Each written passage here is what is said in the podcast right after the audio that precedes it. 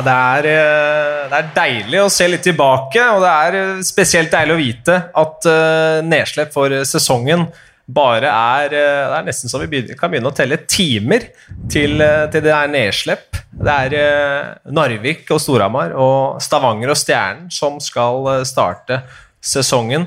Vi er her live fra Røverstaden i Oslo for å spille inn sesongens første episode av Hockeyprat, og det er en stor glede å ønske velkommen. Podkasten kommer til å få en uh, liten vri denne sesongen her. Første to sesongene så har jeg reist rundt uh, hit og dit i Hockey Norge aleine. Besøkt trenere, fått snakka med folk i forbundet, spillere og dommere, ikke minst. Uh, denne sesongen så skal jeg ha med meg Bjørn Erevik og Erik Follestad noenlunde fast. Hvis ikke er noe krise her og da. Vi vet jo han Eriksen han eh, fikk jo ikke vært med på første episode engang, før det dukka opp eh, et eller annet. Så inn som erstatter så har vi hentet eh, en nydelig mann, ekspert, kjent fra sumokampene på Hamar først og fremst. Men Dima, det er ikke første gang du er med her heller. Velkommen skal du være til en ny episode og en ny sesong. Jo, takk for det, Jonas. Henta inn fra C-laget, eller D-laget, eller noe sånt. Så, nei, det er hyggelig, det. Det blir gøy å gå gjennom lag for lag er førsterekka i min bok, eh, Dima, flankert av eh, en eh, hockeymessig A-lagsmann. Bjørn Erevik, velkommen til deg også. Takk for det, Jonas. Hyggelig å ha deg med, og hyggelig at du skal være med fast gjennom hele sesongen. Det må jeg si jeg liker. Slippe å sitte og holde flyten i alle samtaler aleine hele tida. Jeg har jo vært med et par ganger til, og det har vært uh, veldig artig. Så blir det som du sier, en litt annen inngang på det denne sesongen. Så det blir spennende å se om uh, lytterne liker det. Det var jo Frisk Asker som eh, stakk av med, med NM-tittelen i eh, våres.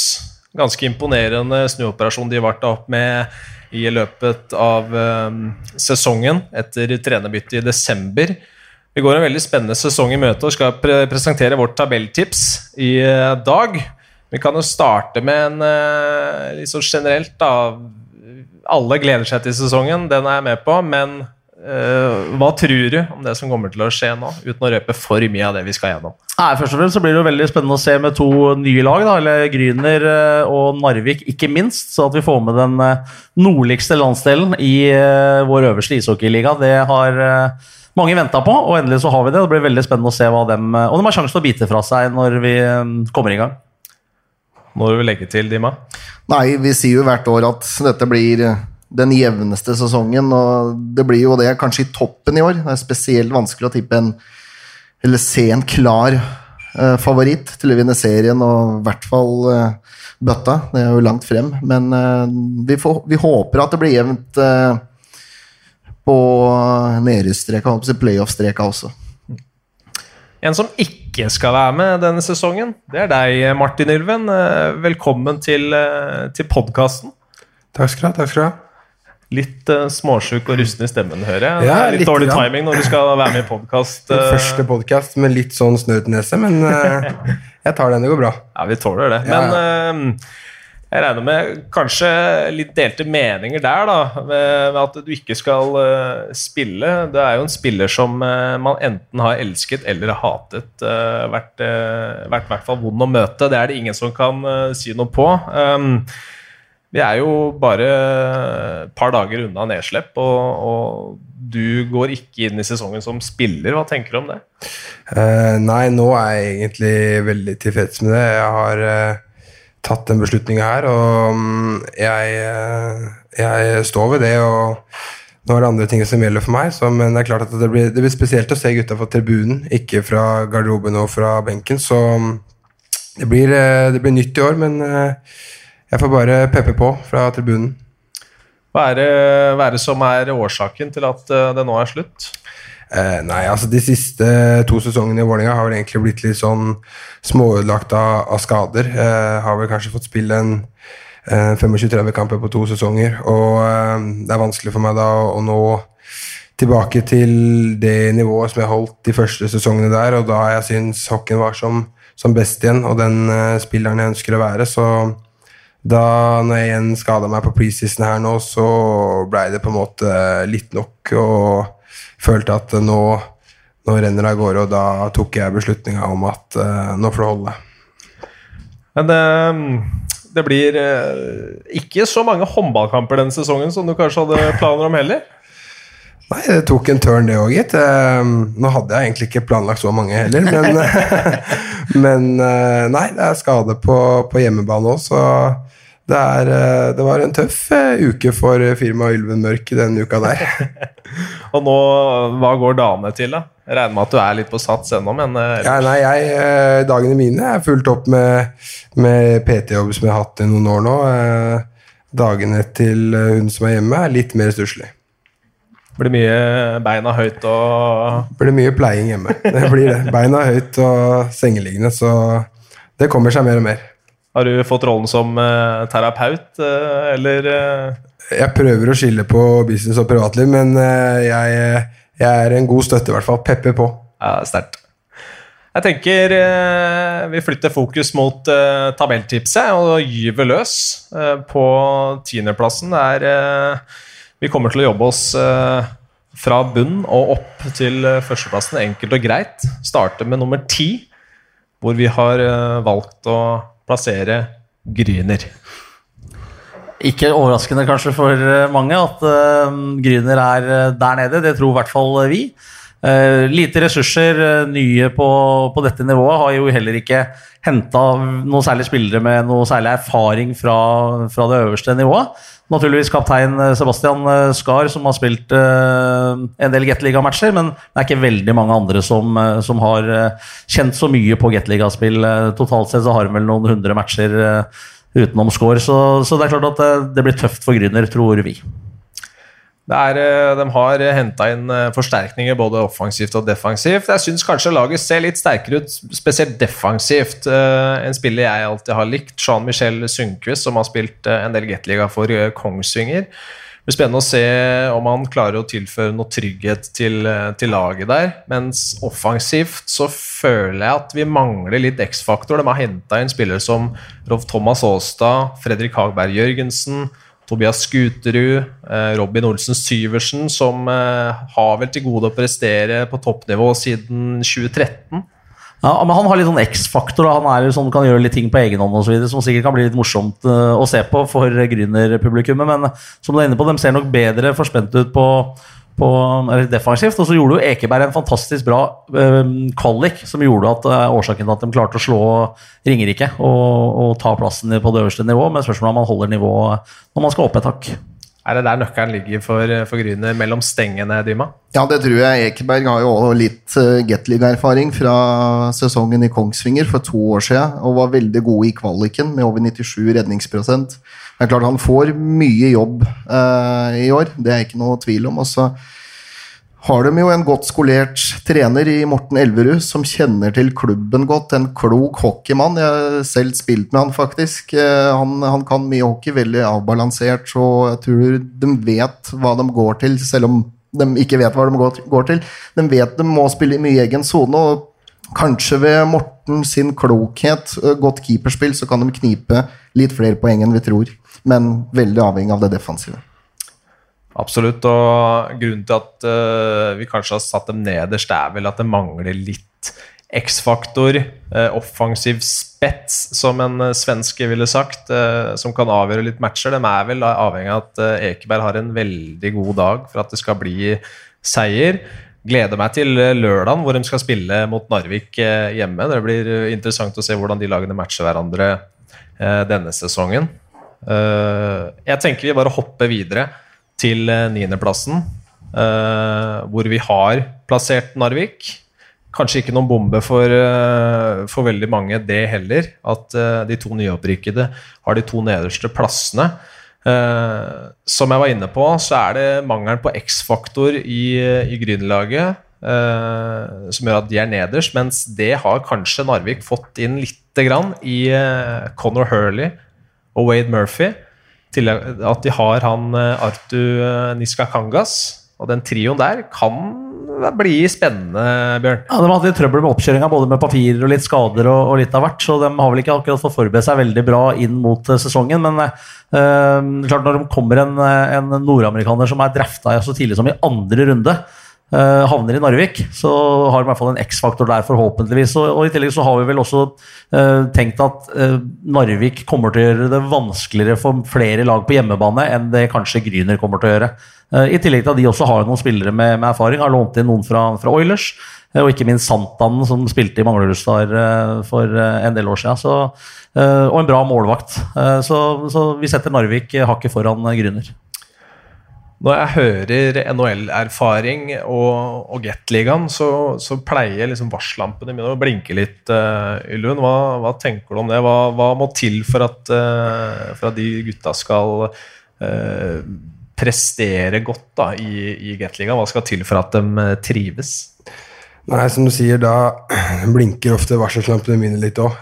det er Uh, mest sannsynlig handler det en del om motivasjon. Um, at man ikke er der at man bare skal komme og ta det som en ferie, men at man faktisk er litt forberedt. Jeg syns at mange, også nordamerikanere, kan ha tatt lett på Gateligaen før. Gateligaen er ikke en liga man bare kan valse gjennom. Um, det er masse bra lag, det er masse bra uh, importer, både fra Sverige, Finland og uh, over dammen. Så hvis de kommer forberedt, hvis de har lyst til å spille, og hvis det er noe spilleglede igjen der, så er det klart at det kan bli veldig, veldig bra for Narvik, og veldig viktig.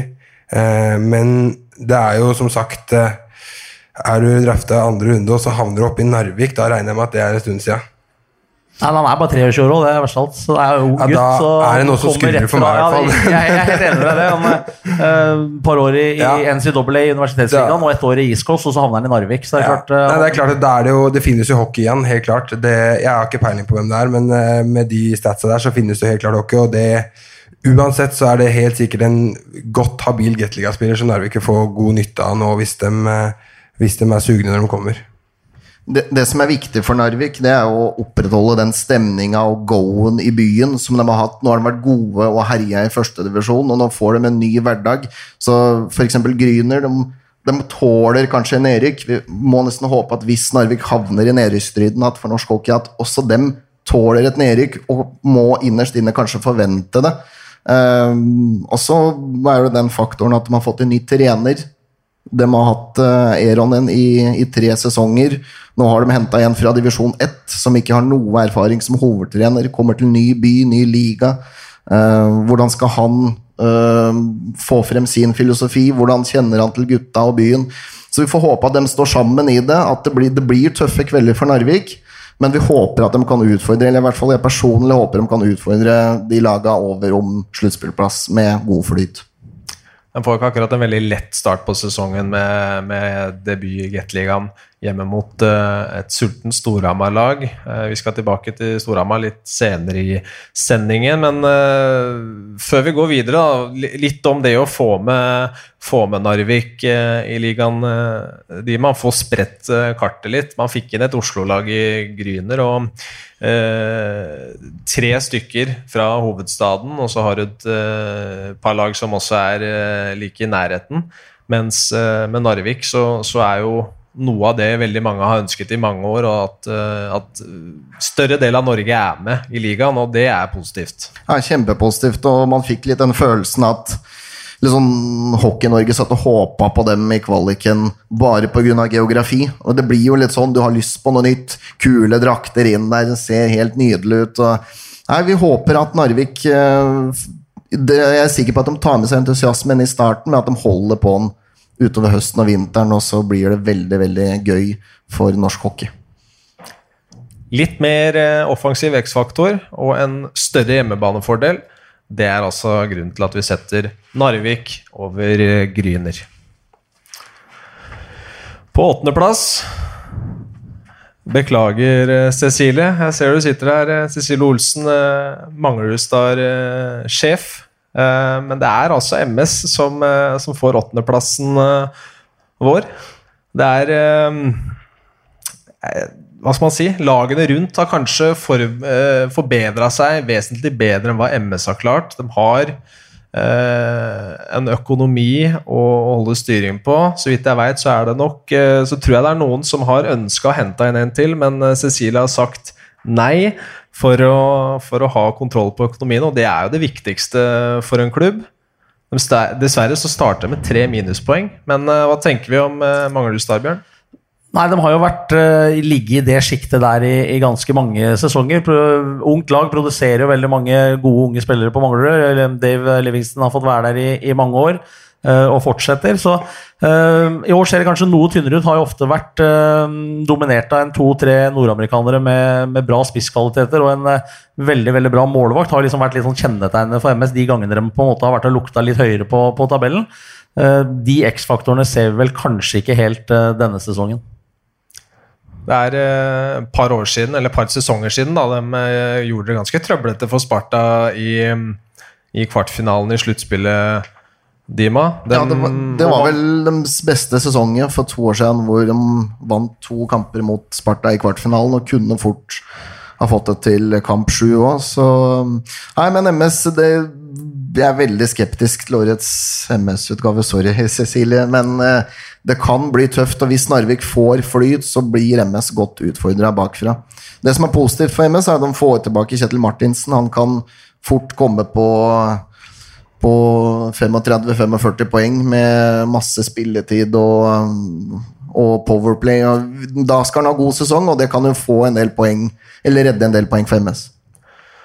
Det er jo arbeidsmoral lagkjemi, innsats, som, som er varemerket til, til, de gule og grønne fra Oslo. Eh, så har de jo også et trenerteam som er flinke til å få eh, nesten mer enn maks ut av det mannskapet de har til rådighet der. Og det, det, er vel kanskje viktigste grunn til at vi har dem på en soleklar åttendeplass. Ja, det er alltid vanskelig å spille i morgenrollen, og, og med den uh, filosofien som, som Livingston har, så, uh, så, er det aldri lett nesten uansett der oppe. De jobber steinhardt hver eneste bytte, og det kommer de til å gjøre også i 45 runder i året, og det, det er jeg helt sikker på. Men, men igjen, de mangler de de som på en måte har båret laget og som har gjort at de har lukta litt uh, hatt avstand opp til lag sju, uh, kortere enn det kanskje vi frykter at uh, avstanden blir i år.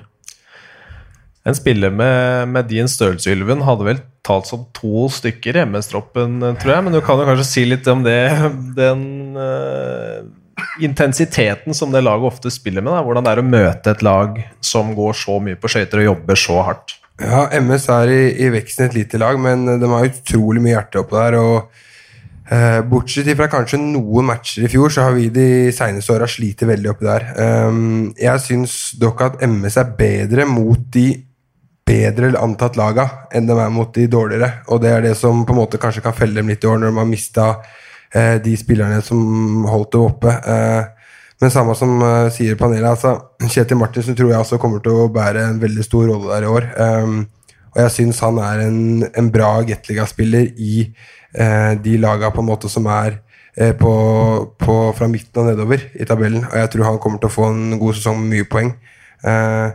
jeg tror ikke MS kommer til å, å få noe trøbbel både med Narvik eller Gryner. Jeg syns at dem er for vanskelig å møte i Manglerhallen til at uh, Eh, det skal bli noe kål der. og som sier Erik, De får maks ut av det laget hvert år. Det, det mistenker jeg at de kommer på en eller annen måte til å få gjort i, gjort i år òg.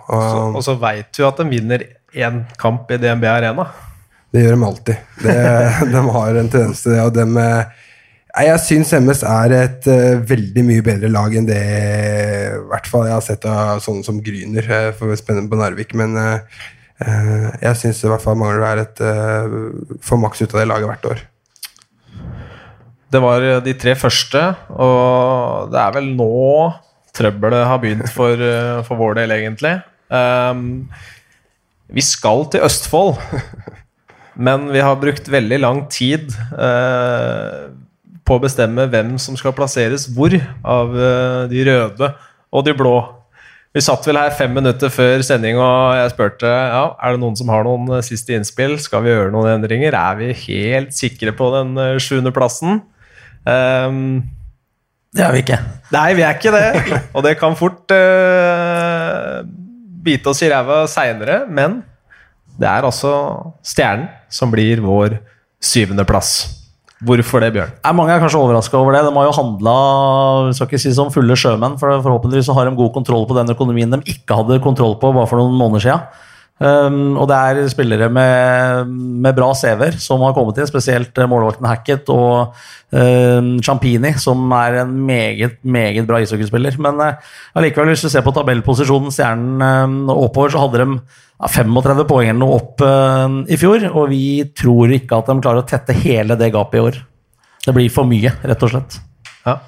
Eh, de Ja, det, det var litt det Jeg hadde jo først Stjernen over Sparta, sånn i første utkast i, i huet mitt, men når jeg så på tabellen i fjor, så var det de ja, 33 poeng opp til Sparta, pluss da minus 3 som de skal starte. Det er for et stort gap.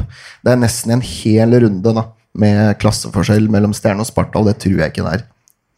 Nå, nå kommer René Hansen inn som, som ny trener. Stjerne har jo bytta trener, hatt uh, forholdsvis uh, meritterte trenernavn de siste åra, men det har ikke blitt noe ut av det.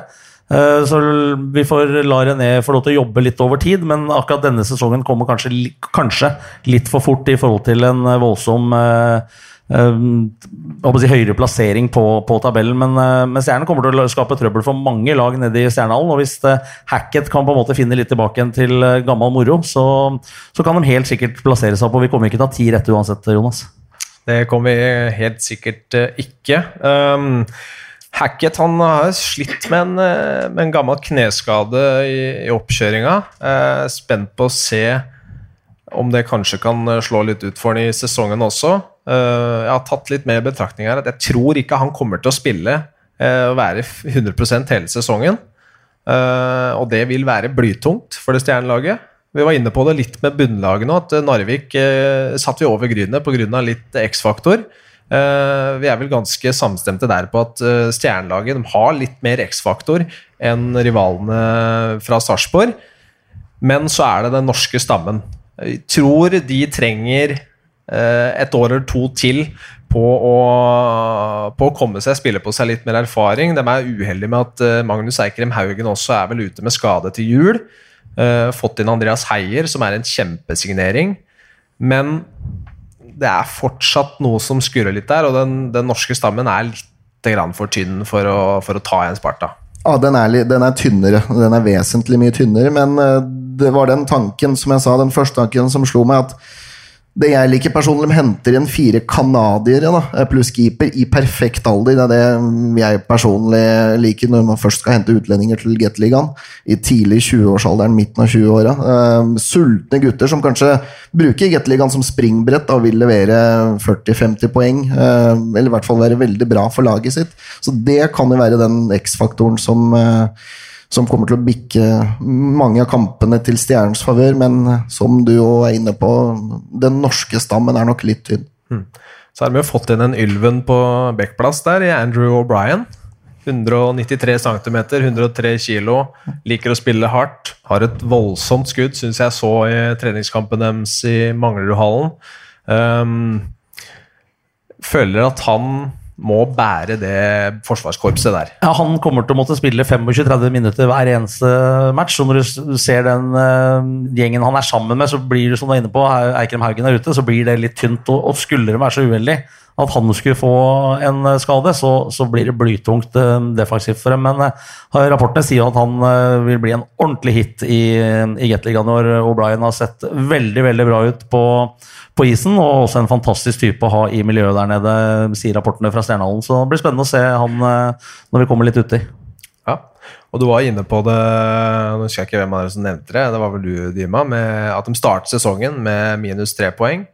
Eh, det kan fort bli avgjørende for eh, hierarkiet i Østfold inn mot sluttspillet til slutt, kan jeg se for meg.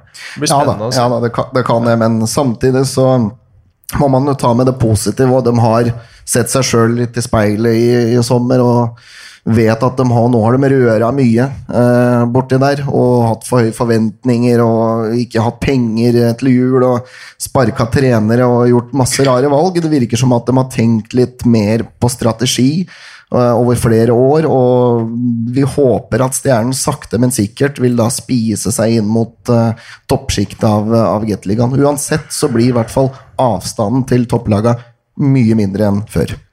Og det er jo en, er en ny tidsregning for, for Stjernen nå, føler jeg nesten. At uh, de har jo fått inn ny klubbledelse, friske midler.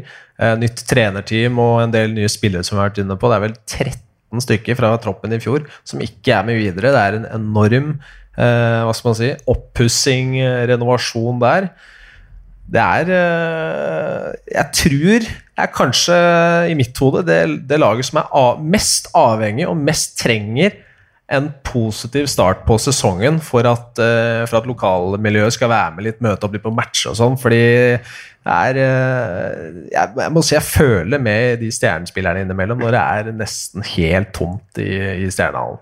Jeg er helt enig. og Jeg føler nesten litt med de stjernesupporterne òg. For det stjernelaget som i hvert fall var mønsteret i fjor, det var, det var helt klin dødt å møte. rett og slett. Det var ingen energi der. De hadde ingen verdens ting. Um, så jeg håper at uh, de nye importa, den nye opprydninga de har gjort nå, skaper litt hockeyguts i, i den byen igjen. Uh, jeg snakka faktisk med noen Vålerenga-spillere tidligere i dag som mente at uh, han Keeperen var ordentlig god, og han nye bekken var klin hakka gæren. ja, han mente, Philip Gunnarsson mente han kunne kaste rundt han Tommy Kristiansen som er vante, så jeg er spent på om han kan lage litt hockeyfeber oppe i, i Stjernehallen. Det, det, håper jeg det fortjener den byen. Det det, det, bor mye hockey i den byen. Jeg har selv faktisk spilt der et halvt år for mange mange år siden. Så den fortjener et bedre lag enn det de har mønstra de siste åra.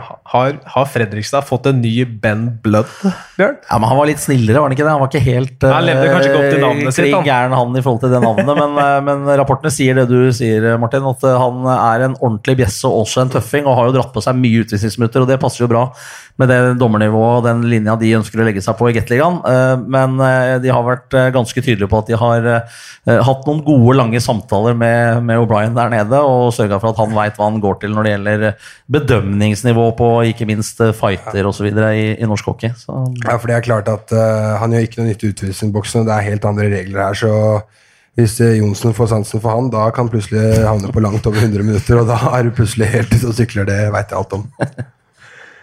Skal vi bevege oss uh, videre til uh, Sarpsborg og Sparta. Vi har vel kanskje røpt det uh, allerede, egentlig. Uh, men vi Her var vi veldig i tvil. som nevnt så er det den norske stammen som, som, er avgjørende for at vi har Sparta over, over Stjerna. Det vil gi betaling på sikt. Den plukka 71 poeng forrige sesong, dette Sparta-laget, som, eh, som, har vært en god del utskiftninger der også. Hadde Tommy Christiansen har forsvunnet. Peter Quenville var jo veldig bra. Sett, på, sett litt i statistikkene, så satt opp mot hvor mye importene leverte den beste importen, som plukket mest poeng på hvert lag, så var han eh, en av de som eh, var desidert best internt i laget. Kun slått av Alholm, som hadde en høyere prosentandel av poengene som laget produserte. Blir vanskelig å erstatte. De har fått inn noen nye svensker. Satset eh, på søta bror. Eh, Christian Jacobsson og Viktor Øhmann. Begge fra Modo. Begge fra, eller med SHL-erfaring, men det er ikke noen poengmaskiner her. Og er vel avhengig av at eh, de finner skikkelig kjemien. Og ja, nesten overraske litt, vil jeg si. Ja, og jeg tror ikke du skal undervurdere Dylan Sink, uh, som hadde en litt sånn rufsete start på sesongen, men uh, som kom mer og mer og tok voldsomt ansvar både defensivt og offensivt i det meget unge Sparta Beck-korpset, som jo for så vidt bare vokste og vokste. De har stort sett uh, den samme gjengen. Sparta er alltid godt trent under uh, Sjur Robert Nilsen. Det er litt samme regime som, som um, Roy og Vålerenga. De, de, trener knallhardt hele tida, og det også er nok en av de tingene vi har tatt med i betraktninga når vi har satt Sparta et lite hakk foran stjernen. For offensivt så mangler det nok noe av den kreativiteten som, som, noen av de som er borte, har stått for. og De håper vel kanskje at, at Nilsson fra Leksand, som jeg så ganske mange matcher i fjor, men han er heller ikke noen, noen offensiv kraft av den kaliberen som Sink eh, var. Han har i hvert fall ikke levert det tidligere, men uh, totalt sett uh, så ser vel Sparta noe, mer, noe svakere ut og noe tynnere ut enn de gjorde i fjor.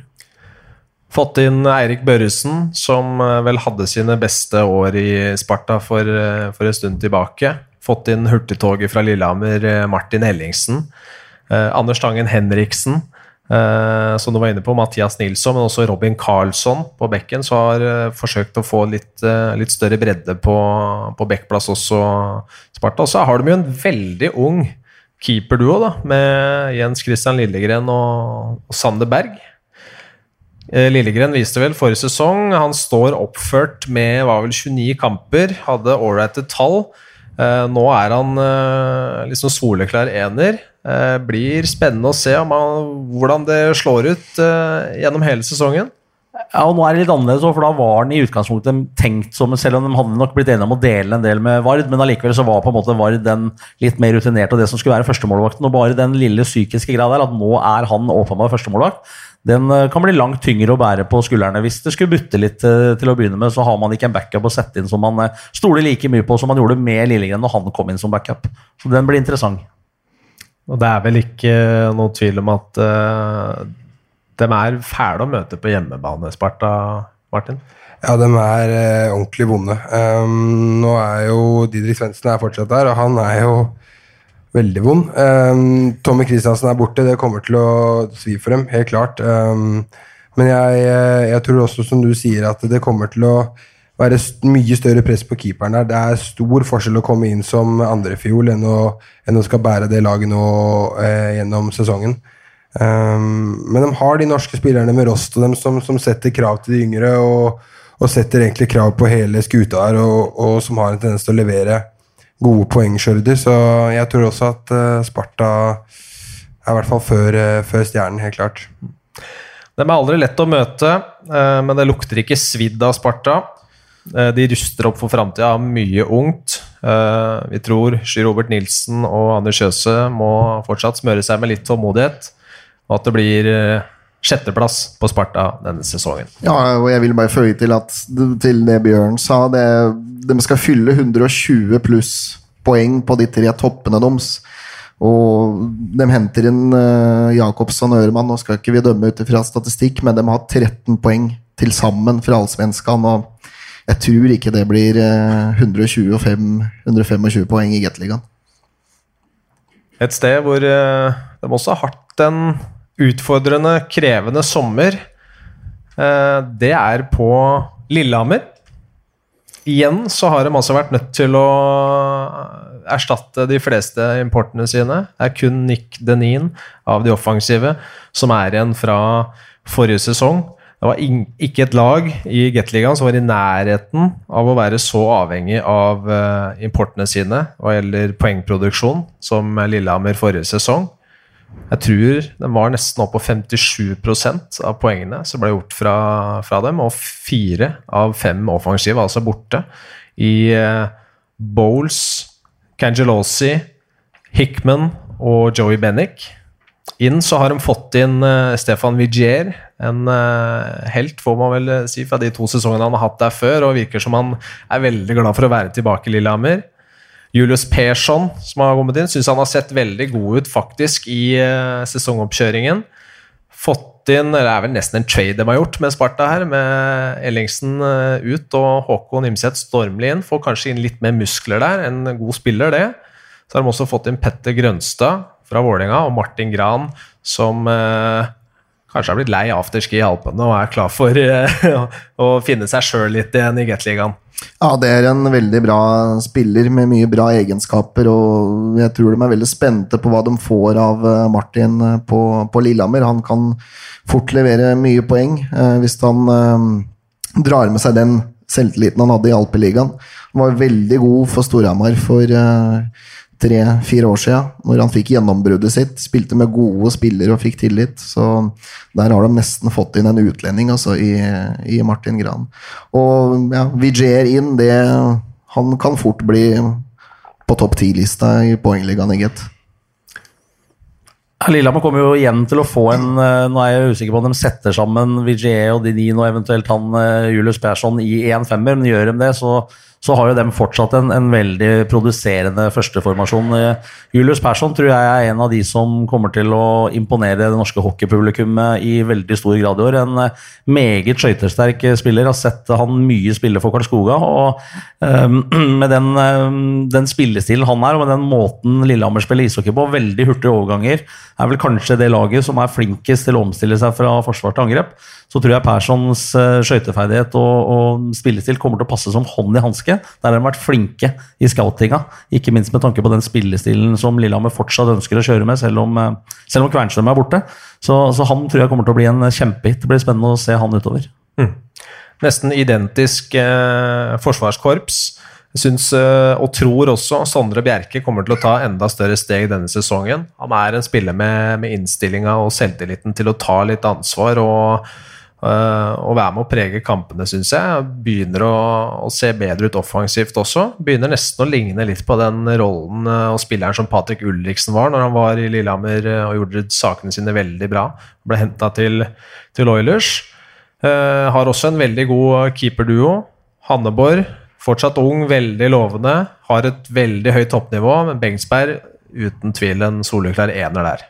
Ja, de har veldig bra kontinuitet da, eh, i bakre rekker med keeper og samme backup-stilling, eh, nesten. Så det er sånn jeg savner kanskje en sånn type mm, Ellis, en back til på Lillehammer.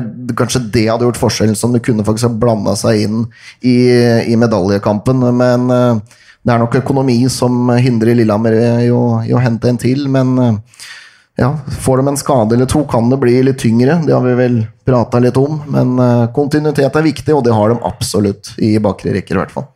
Det er litt interessant nå, nå har vi jo redusert antall, utlend antall utlendinger fra med én. Men allikevel så er det vel ingen av de topp eh, seks-sju-laga som har fylt opp til seks. De aller fleste har fem. Og Det også er jo en, en greie i forhold til utover, utover høsten her nå, hvor fort eventuelt noen lag ønsker å gjøre det. For det er klart at Eh, I Gateligaen med én toppspiller til, så, så, ser det plutselig litt annerledes ut eh, for enkelte klubber. Så det også blir et, eh, et spennende aspekt utover.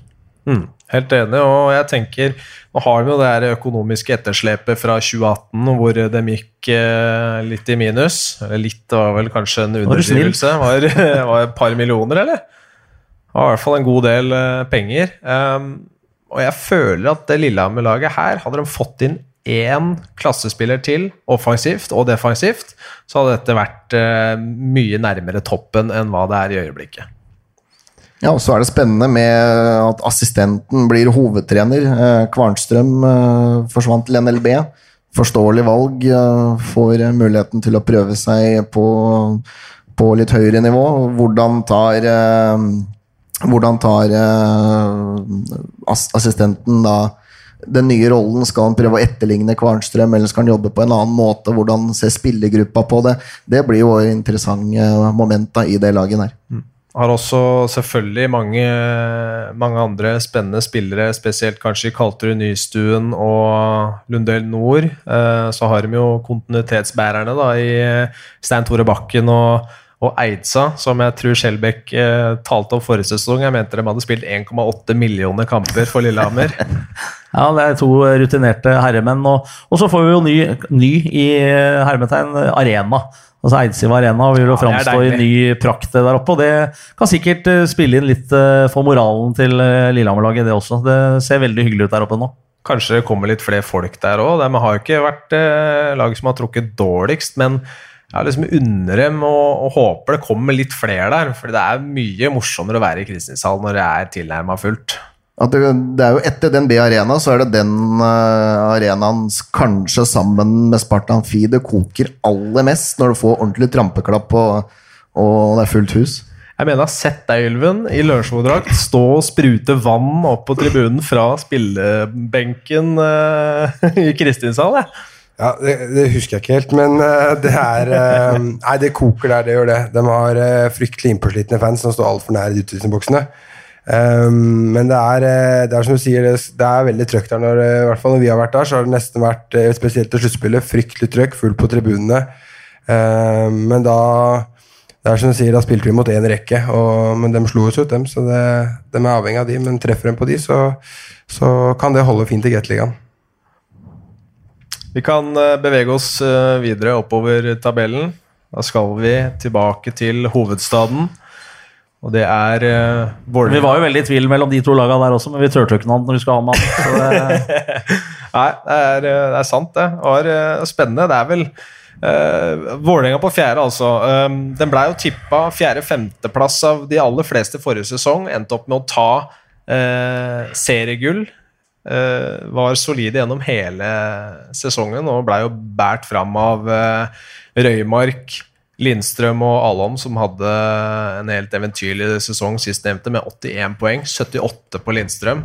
Helt uh, uforskammet poengproduksjon, får man nesten uh, kalle det.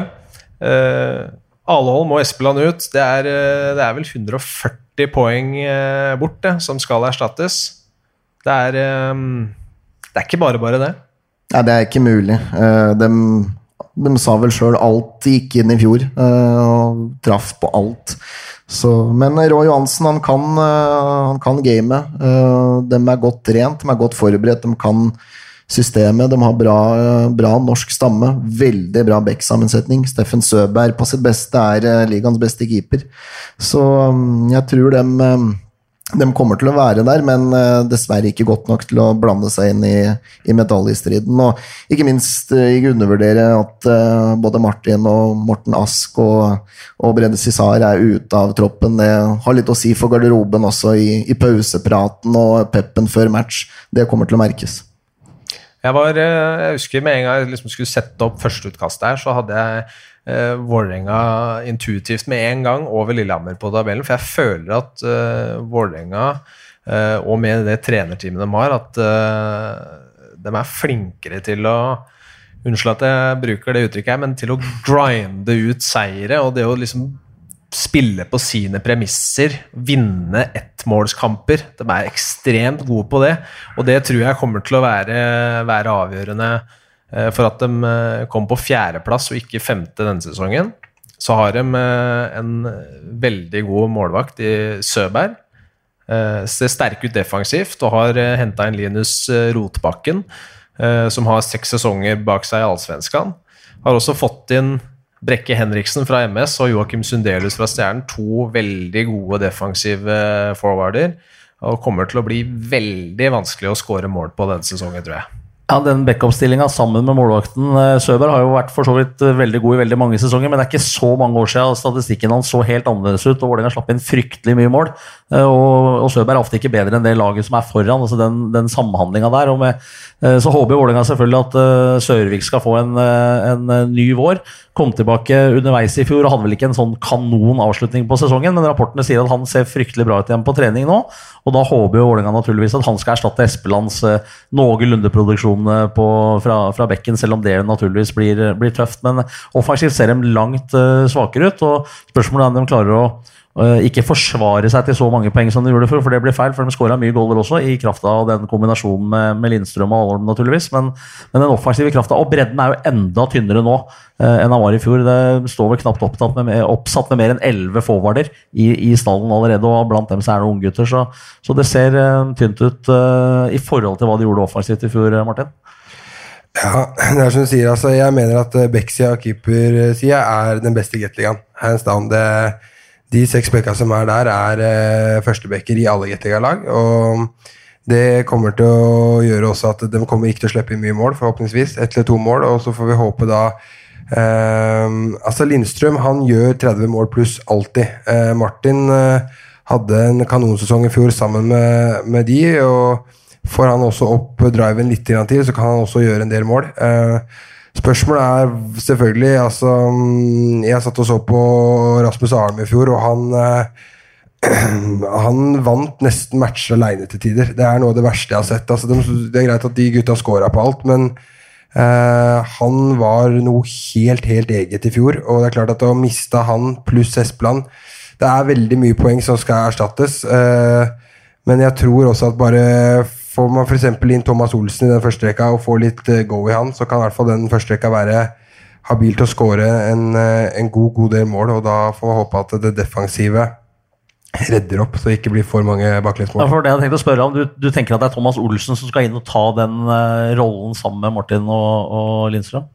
Altså, jeg, jeg, tror han har spilt her de siste treningsmatchene nå, og jeg kan ikke se noen andre på en måte som skal klare å det må være en produserende rekke. Uh, og i utgangspunktet så uh, er ikke Martin en sånn notorisk målskytt. han, er, han driver den rekka med hardt arbeid og viser veien, men de er avhengig av at, at Tobbe skal få i gang noe poengmessig med en annen, og jeg ser ikke eh, kanskje noen andre i det laget som kan fylle den luka.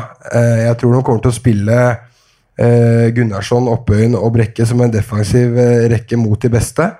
Eh, også en rekke som kommer til å slippe inn lite mål og kommer til å skåre noen. Forhåpentligvis litt mer enn de har gjort i det siste. Oppøyen har mer eh, poeng inne.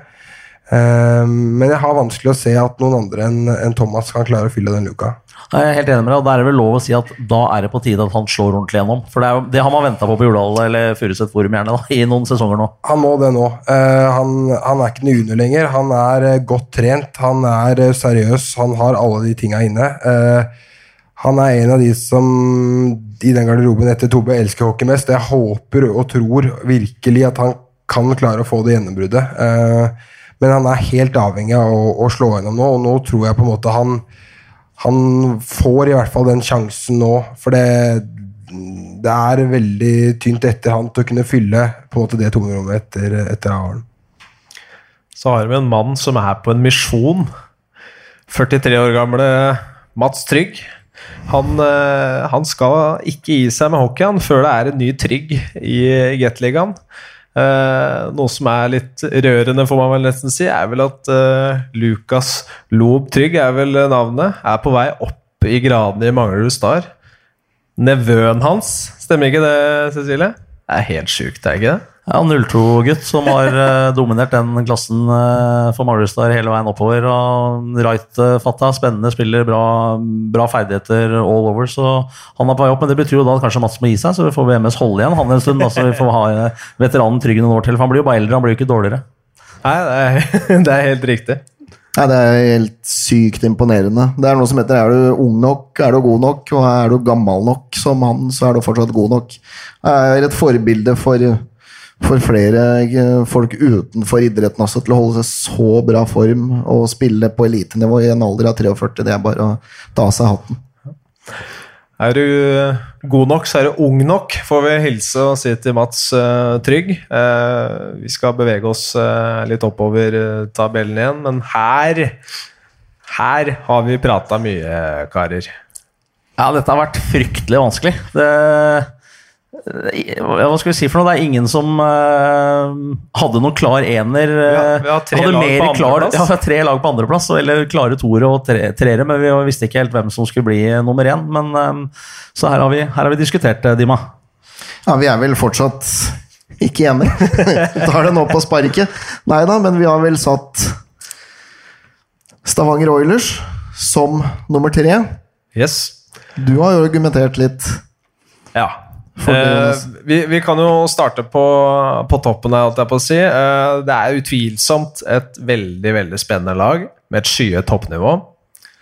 Jeg tror optimismen er stor i Stavanger, selv om kanskje ikke alle tør å si det. At de har høye, høye, høye forventninger til det laget her. Eh, jeg syns troppen eh, intuitivt minner mer om et Stavanger Oilers à la Petter Thoresen. Uh, for meg så tenker jeg altså Spørsmålet er er det litt for lett å hente tilbake gamle helter. Tommy Christiansen, Mathias Trettenes, Dan Kissel. Det er ingen tvil om at det er veldig solide hockeyspillere og kommer til å gjøre at Stavanger blir enda verre å møte denne sesongen her, men for meg Jeg har ikke helt trua på prosjektet Børgstrand. Jeg snakka litt med vår kollega Kasper Wikestad om det her. og Paul Scholes kunne komme tilbake til Manchester United, men da var fortsatt Alex Ferguson eh, coach der. Nå er ikke Petter Thoresen, det er de tre inn. Bjørkstrand en litt annen type. Vi så en del sårbarheter ved spillet hans i Stavanger forrige sesong, og han, eh, han er ganske sta. Nekter å gjøre noen særlige endringer på, på stilen og filosofien sin. Så jeg tror eh, jeg tror ikke de, han kommer til å få like mye ut av den uh, trioen uh, som Petter Thoresen. Nei, han har jo en litt omdiskutert lederstil. er håper jeg, den gamle, gamle skolen. og uh, Så kan man godt sikkert si mye om Petter også, at han er knalltøff på sin måte, men, men har en annen tilnærming til en del ting enn det, enn det Bjørkstrand har. så Eh, skulle det butte litt å begynne med der, så kan det fort eh, blåse brukbart eh, på Vestlandet. De har i utgangspunktet et, et bra lag, men, men, det skal sette seg. og De har jo 12-13 nye spillere, dem også. Eh, og det er også et, et, um, stort spørsmålstegn i forhold til hvor fort Men samtidig så gjorde de en meget bra turnering eh, mot god eh, mellomeuropeisk motstand i, i oppkjøringa. Så, så, de ser bra ut. Men vi tror at det er to andre som kommer til å gjøre det litt bedre. Men som vi har vært inne på, dette her har vært fryktelig vanskelig. Og mange er sikkert uenig. ja, det tror jeg. Problemet er jo at ett av disse lagene må jo havne på tredjeplass. og eh, som, jeg, som, jeg, har sagt, og bare la det ikke være noe tvil om det, om at Stavanger Oilers har et veldig bra hockeylag. Eh, de har mye fysikk. De beholdt eh, Molden. De har Forsberg fortsatt, fått inn Kristiansen. Talge er jo i ferd med å bli et beist, han òg, eller har vel blitt det. Uh, da kommer til å fortsette å, å ta steg. David Morley, Brady Brassart blir spennende å, å se. Så har vi fått inn Ludvig Hoff som jeg gleder meg veldig til å se i Gateligaen. Har ganske store forventninger til han, selv om han fortsatt er ung. Eh, blir eh, interessant, eh, kanskje spesielt for dem som er veldig glad i å snakke om denne NCAA-ruta til eh, spillerne og nivået der, og se hvordan han klarer å matche seg i getten. Jeg har prata med et par Stavanger-spillere, jeg skal ikke nevne navn, men de har vært positivt overraska over han og sier han ser bra ut og moden ut, så man blir artig. Men det er litt som du sier, Stavanger har savna litt den savna de spillertypen og den hockeyen de har på en måte skremt motstanderne vekk de første 20 minuttene. Første perioden og leder der 3-4-0 eller 1 med å gå ut fysisk være knallharde og få med tribune, og det koker der. Du er litt redd for å gå ut til andre periode som spiller, en ung spiller i hvert fall. Eh, det har de savna. Vært litt sånn pusete og avventende i stilen. og Det var litt overraskende å se på dem i fjor. Nå har Bjørstrand fått ett år i Gateligaen, blitt bedre kjent med, med, alle lagene. Fått sommeren til å kanskje sette sitt preg på laget. Og jeg tror han har veldig høyt press på seg. Og skulle det butte imot, så er det veldig sterke personligheter i den garderoben der. Som vi vet ikke, vi er jo ikke de garderobene sjøl, men det kan bli strid. Henrik Holm eh, vet vi jo kommer til å levere godt. De har Vikstøl eh, som backup, som også kan levere bra. Det er jo umulig å skåre på straffeslagkonkurranser, i hvert fall. Eh, så er det backup-setninga, som jeg er litt sånn småskeptisk til defensivt òg. De har fått inn Nolan Sajak, Andreas Klavestad, Nikolai Brynesveen. Det er, ikke, det er ikke spesielt defensive spillere, det. Nei, Sajak eh, har jeg store forventninger til. Så han en del i Oskarshamn i fjor. Eh, puckskikkelig bra back som helt sikkert eh, kommer til å styre det ene powerplayet. Brynesen kjenner vi godt, er litt sånn løs kanon. Uh, har brukbare offensive kvaliteter, men uh, kan samtidig gjøre en del, uh, ha en del rufsete i den defensive jobben. Så jeg holder med deg i akkurat den analysen. at Defensivt ser de kanskje ikke like solide ut som i, i fjor. Og så tror jeg at selv om de har fått inn en kriger i Tommy Christiansen, at tapet av Jacob Lagassé kommer til å merkes. En hærfører på alle mulige måter. Mm. Martin, vi snakka litt om det her uh, før uh, sesongen, og du fortalte, nei, før sendinga, og du, du, røpa hvem du hadde som klink topp to. Uh, nå vet du hvem vi har topp to.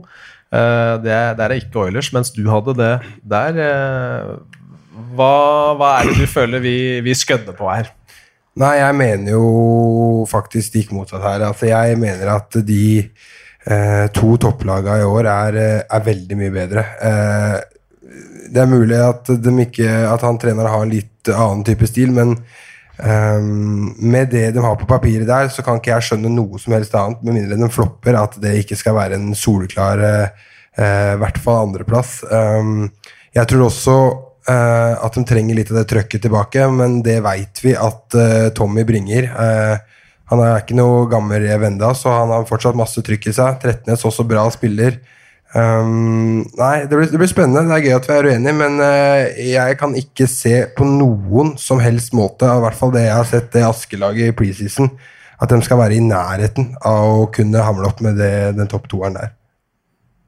Noen her som vil skyte inn noe på den, Bjørn? Vi har jo sett uh, Frisk Asker i, i Champions Hockey League. Ikke fått med seg noen poeng. Møtt uh, ganske tøff motstand. Hva syns du om, uh, om det? Nei, begge matchene mot Klagenfurt har de ikke vært spesielt uh, bra. Klagenfurt spiller en fantastisk morsom ishockey og en måte jeg knapt har sett før. Mot Bil hjemmekampen burde de ha vunnet. De var heldige og en god Dahlberg som gjorde at det sto 0-0 etter én periode, men etter det så var, så var, hjemmelaget best. Men de fikk ikke med seg noe, det er det som, som teller. Og, og, jeg er helt enig med, med Martin at i, i oppkjøringa så har de ikke sett spesielt bra ut. Men samtidig så tenker jeg litt sånn, og det vet du også som, som gammel ringrev, at uh, Frisklaget har veldig mange norske veteraner som har vært med i mange år.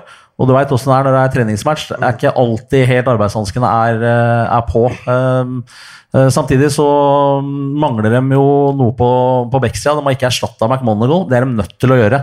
Fordi offensive krafta i backoppstillinga til, til Frisk Asker den er ikke god nok per i dag. Og så vidt jeg har skjønt, så jobber de på spreng for å få til det så fort som, som mulig.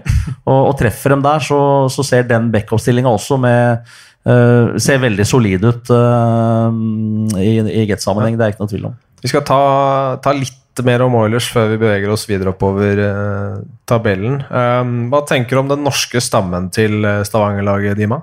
Jeg tenker den er veldig bra. Altså når jeg satt i sommer og så hvem som kom inn portene i DNB Arena, den ene etter den andre, så tenkte jeg at dette er vinnerlag. Eh, så er det de diskusjonene som har fått meg litt mer i tvil til om de holder helt inn til å vinne serien. Ikke at det er viktigst, som, Martin blant annet vet. Det er bøtta som tels. Jeg tror de kommer til å spille finale i vår. Det, kan, det, det, vil jeg tippe nå med en gang.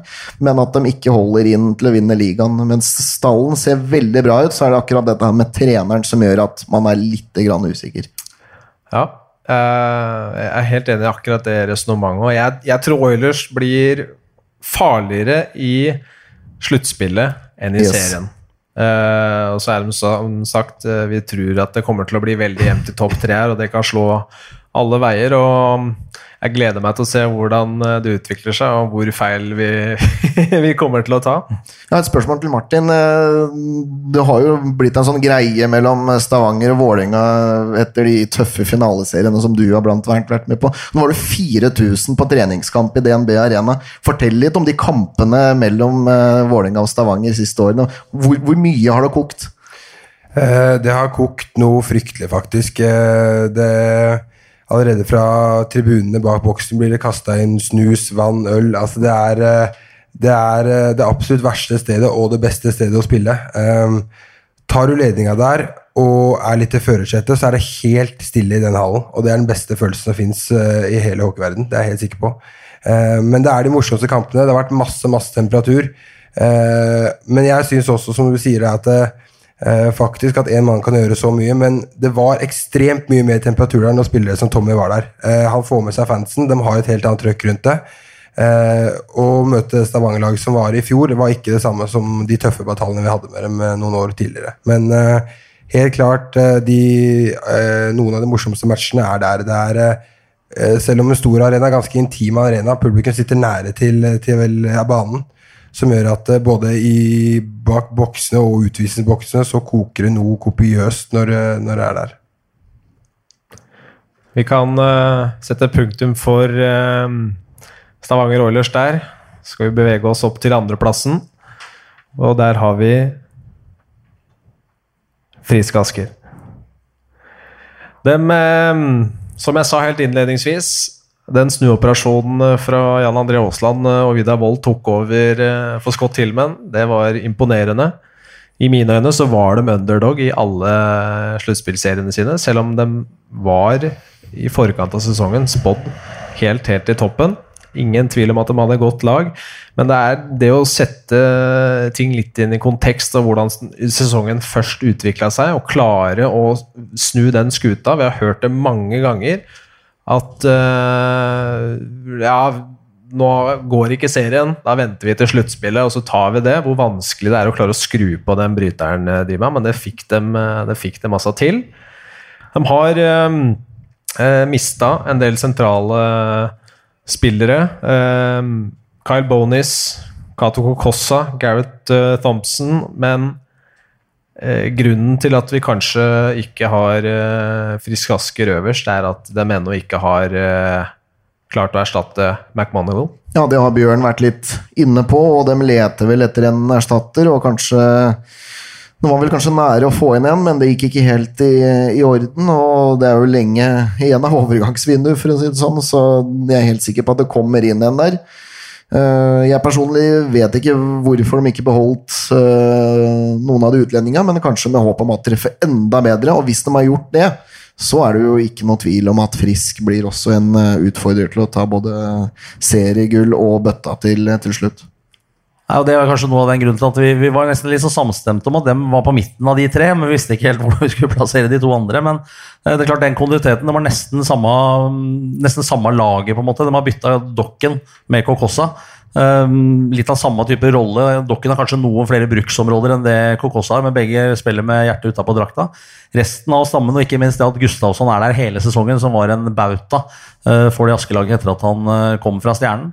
Um, men, men, men, de er nok en, uh, avhengig av å treffe på den siste Beck-importen. Og så har de jo uh, slitt med den ene canadieren som har drøye 200 AHL-matcher, som har vært ødelagt i ryggen, og spilte første treningsmatchen mot, uh, mot Vålerenga, men har knapt vært på is siden det. Han forventer de jo skal på en måte ta opp hansken etter, etter Gareth Thompson, og så er det jo Lavois som skal stå for poengproduksjonen. Men totalt sett, kontinuiteten og ikke minst at trenerteamet er det samme, og et godt likt trenerteam, at det ble litt sånn samling i bånn etter at Hilmen uh, hadde analysert i stykker hele Askerhallen og alle spillere og alt som er, så, så, så snudde det. Og, og, men så, nå må de ta det videre, for de kommer ikke til å kunne forsvare seg til et, en sluttspillseier ett år til. De er nødt til å utvikle det offensive spillet. og Um, mot norsk motstand så har det ikke sett spesielt bra ut, men i, i Champions League så har, uh, så har det offensive vært langt bedre, selv om de har um, sittet igjen tomhendt etter de fire første CL-kampene. Og det, det, er jo alltid vanskelig å, å forsvare en tittel. Nå vil alle vil slå norgesmesteren.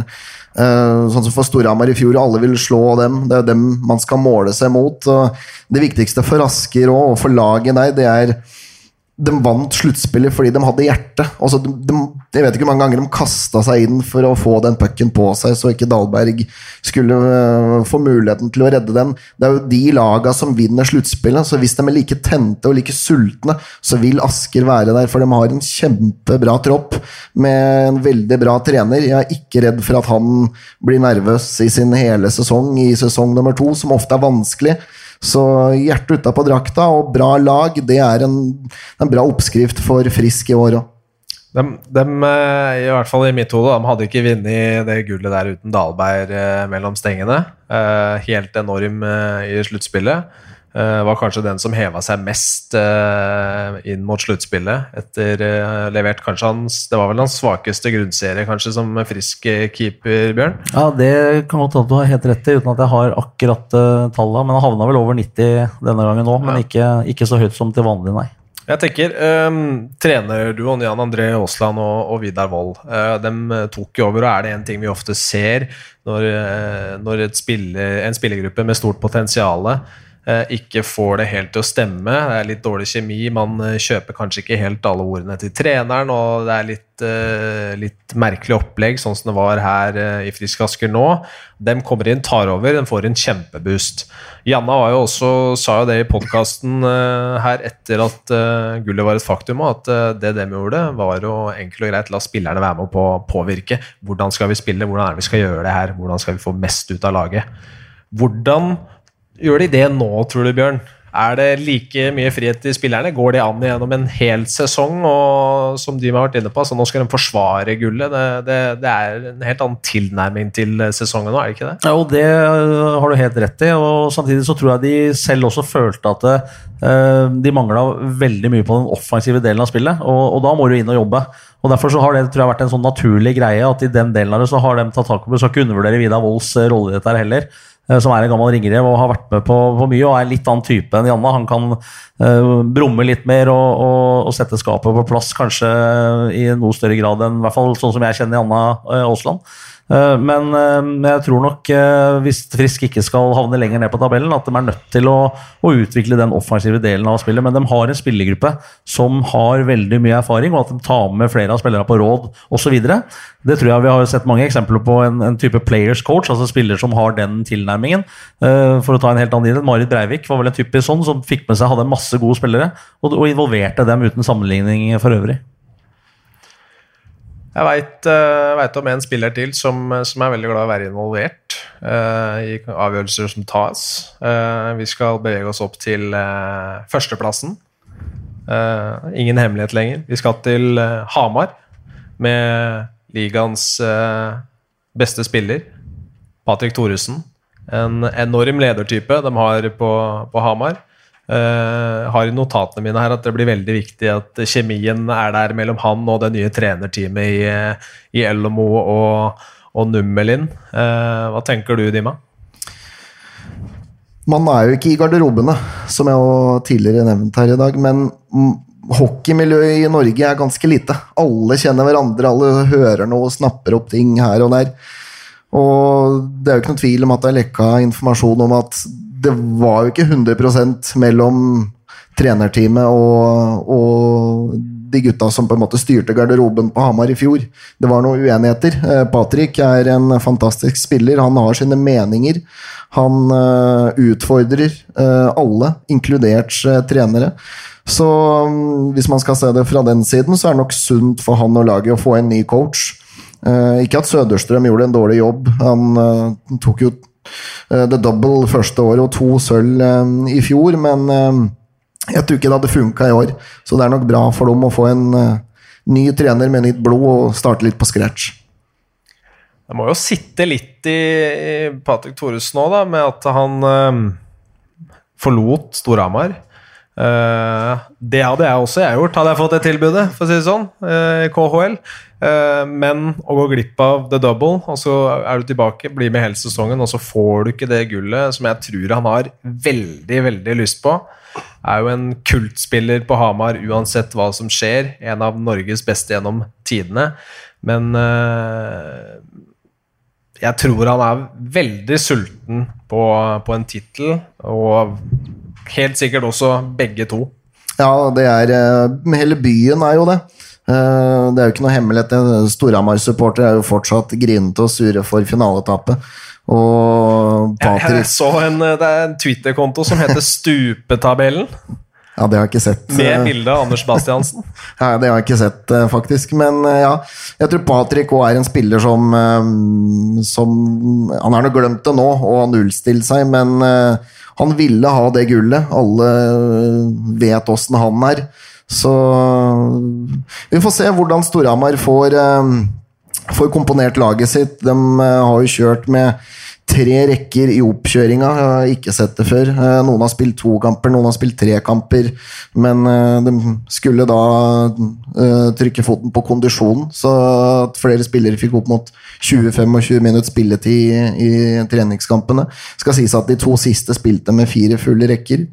Eh, men Elomo, som kommer da fra Mestis i Finland, det blir jo hans første sesong på elitenivå som hovedtrener. Det er også en utfordring for han. Det er, eh, det er mye press. Eh, er, folk på Hamar forventer to gull. Det, det, skal ingen lure på. og De bruker mye penger, og det er mye prestisje i det. Så han får en eh, tøff jobb, men han har et bra lag å rutte med. Så har de eh, henta inn en del spennende spillere der også, Bjørn. Eh, kanskje største spørsmålstegnet for hvor høyt nivået er, det er vel kanskje bakerste mann, Luka Grasjnar? Jeg har jo vært uh, godt forspent der med, med, Østlund de siste sesongene. Storhamar uh, Grasja har en veldig fin CV, men han har jo stått bak et uh, Salzburg-lag som har totaldominert de sesongene han har vært der. Uh, Fjorårssesongen uh, ikke helt på samme nivå. og Uh, har vel sett litt sånn opp og ned ut, Dima, i de, i de treningskampene når han kommer til, til, til Norge. Men uh, i utgangspunktet en mållag som holder et veldig veldig høyt nivå. og Hvis han fortsetter å gjøre det, så, har, så er Storhamar bra forspent på, på målvaktsida fortsatt. Så, så, jeg tror ikke problemet kommer til å ligge der for, for Storhamar. Og det er spennende å se Marinaccio tilbake igjen også, som på en måte ble litt sånn Eh, satt litt eh, på tribunen eh, pga. for mange utlendinger og fikk en skade og fikk en utestengelse osv. Men har jo sett fryktelig bra ut så langt i sesongen. Og, og de andre nordamerikanerne som, som Storhamar henta, ser også, også vasse ut. Så Storhamar har åpenbart truffet der, og da, da, da får de en spisskompetanse som, som kommer til å bli tøff å håndtere. Ja, Marinaccio. Han kan, han kan fort vinne poengligaen eh, i år. Eh, Han har, sett, eh, han har vært den beste spilleren til Storhamar i oppkjøringa. Dere kan bare tenke deg åssen lag Storhamar hadde når de vant bøtta da, når han satt på tribunen sammen med Hampus Gustavsson. Så nei, de ser bra ut, og Cameranesi er en notorisk målskårer. Har blitt matcha i en rekke med Thoresen og Dahlstrøm. Dem er satt og ser veldig, veldig bra ut. Så Gratchen er bakerst, og han eh, Jeg har ikke sett for mange treningskamper til Storhamar, men rapportene sier at han har sett eh, bra ut, og jeg tror han blir bedre og bedre. Jeg tror ikke Storhamar har sjansa på en keeper, eh, på en erstatter for Østlund. Så har de jo altså på backplass da, Mats Larsen Mostu. Vært en del av stammen til Oilers i, i mange år. Matt uh, Prapavessis, uh, 28 år, fra Canada. Spilte Sønderjysk forrige sesong. Uh, har litt erfaring fra AHL, hatt en del erfaring fra ECHL.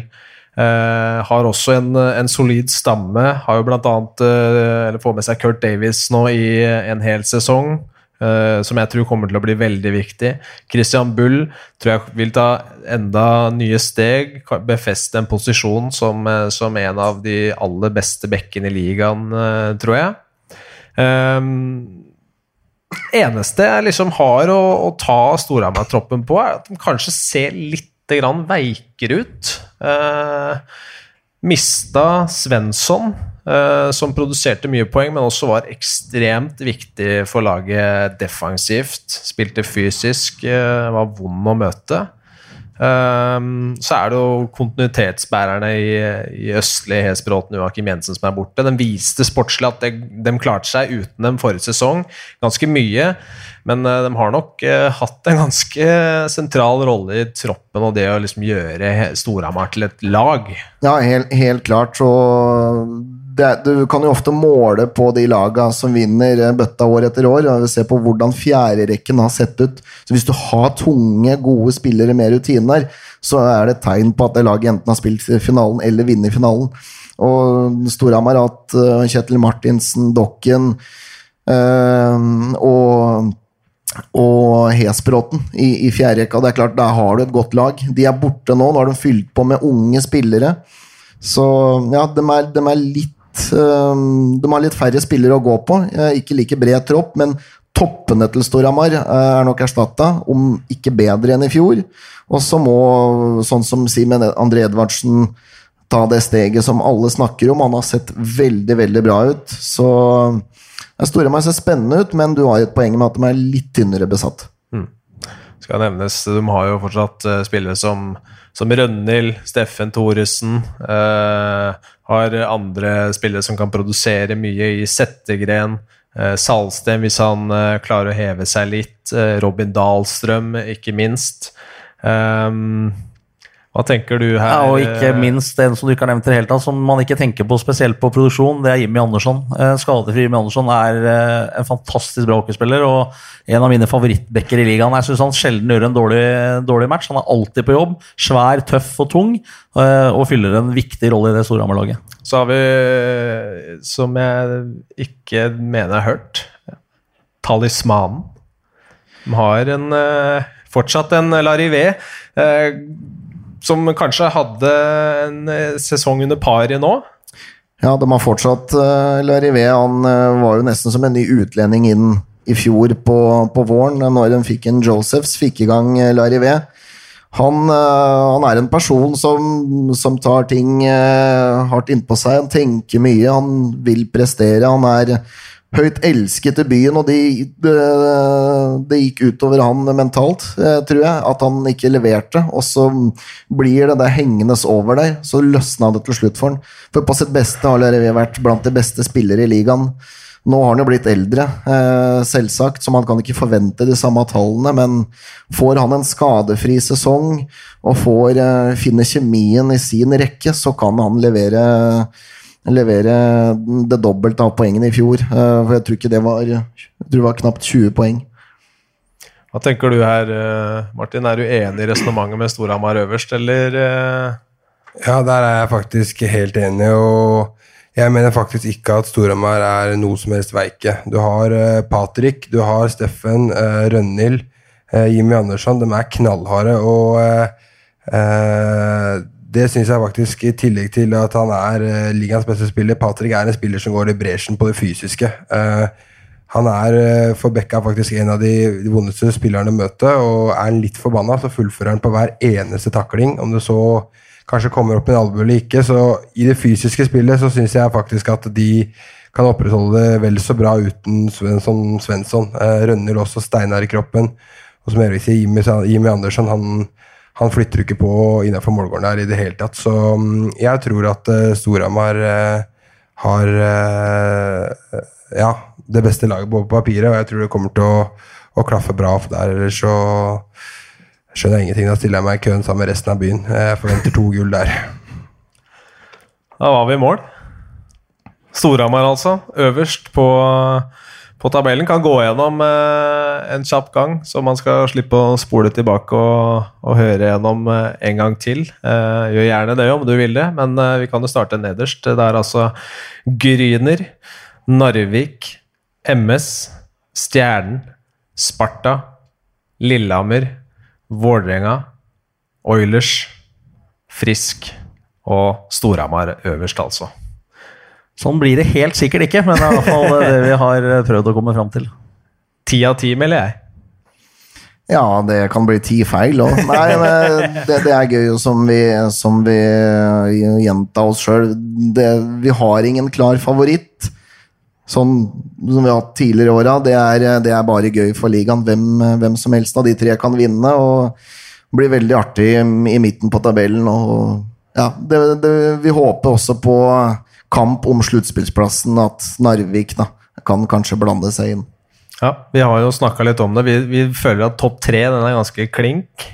Eh, at du har eh, Vålerenga og Lillehammer, dem eh, følger bak. Eh, at eh, det blir eh, mindre Nei, litt mer avstand, kanskje, mellom øvre og nedre halvdel, men at, uh, at sjette-sjuendeplassen, den er Ja, det er nesten den jeg føler blir en av de mest spennende her. Kanskje Jeg mener altså Stjernen nå, med full klaff, så har det muligheter til å gjøre det vanskeligere for de andre Absolutt. lenger opp på tabellen òg.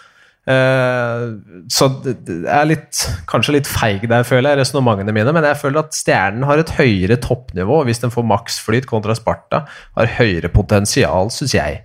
Ja, vi må nok la det gå en runde, for vi, vet, vi har ikke sett utlendingene i aksjon. Så det kan jo være hva som helst. Det har vært folk som har kommet med bra CV og floppa, og noen har overraska. Så på papiret ser Stjernen litt mer spennende ut enn Sparta, men Sparta er fortsatt Sparta. Og det er fortsatt nå 30 poeng som må spises inn eh, mellom de Østfold-lagene der fra i fjor. Og så er det alltid ett lag som overrasker, og ett lag som skuffer. Hvem det blir, blir jo spennende å se. Det blir absolutt. Hjertelig takk til eh, dere tre for å ha vært med her eh, i uh, sesongens første episode av Hockeyprat. Det har vært en glede. Hjertelig takk til også dere som har fulgt med gjennom episoden. Gjenstår det bare å si lykke til med sesongen.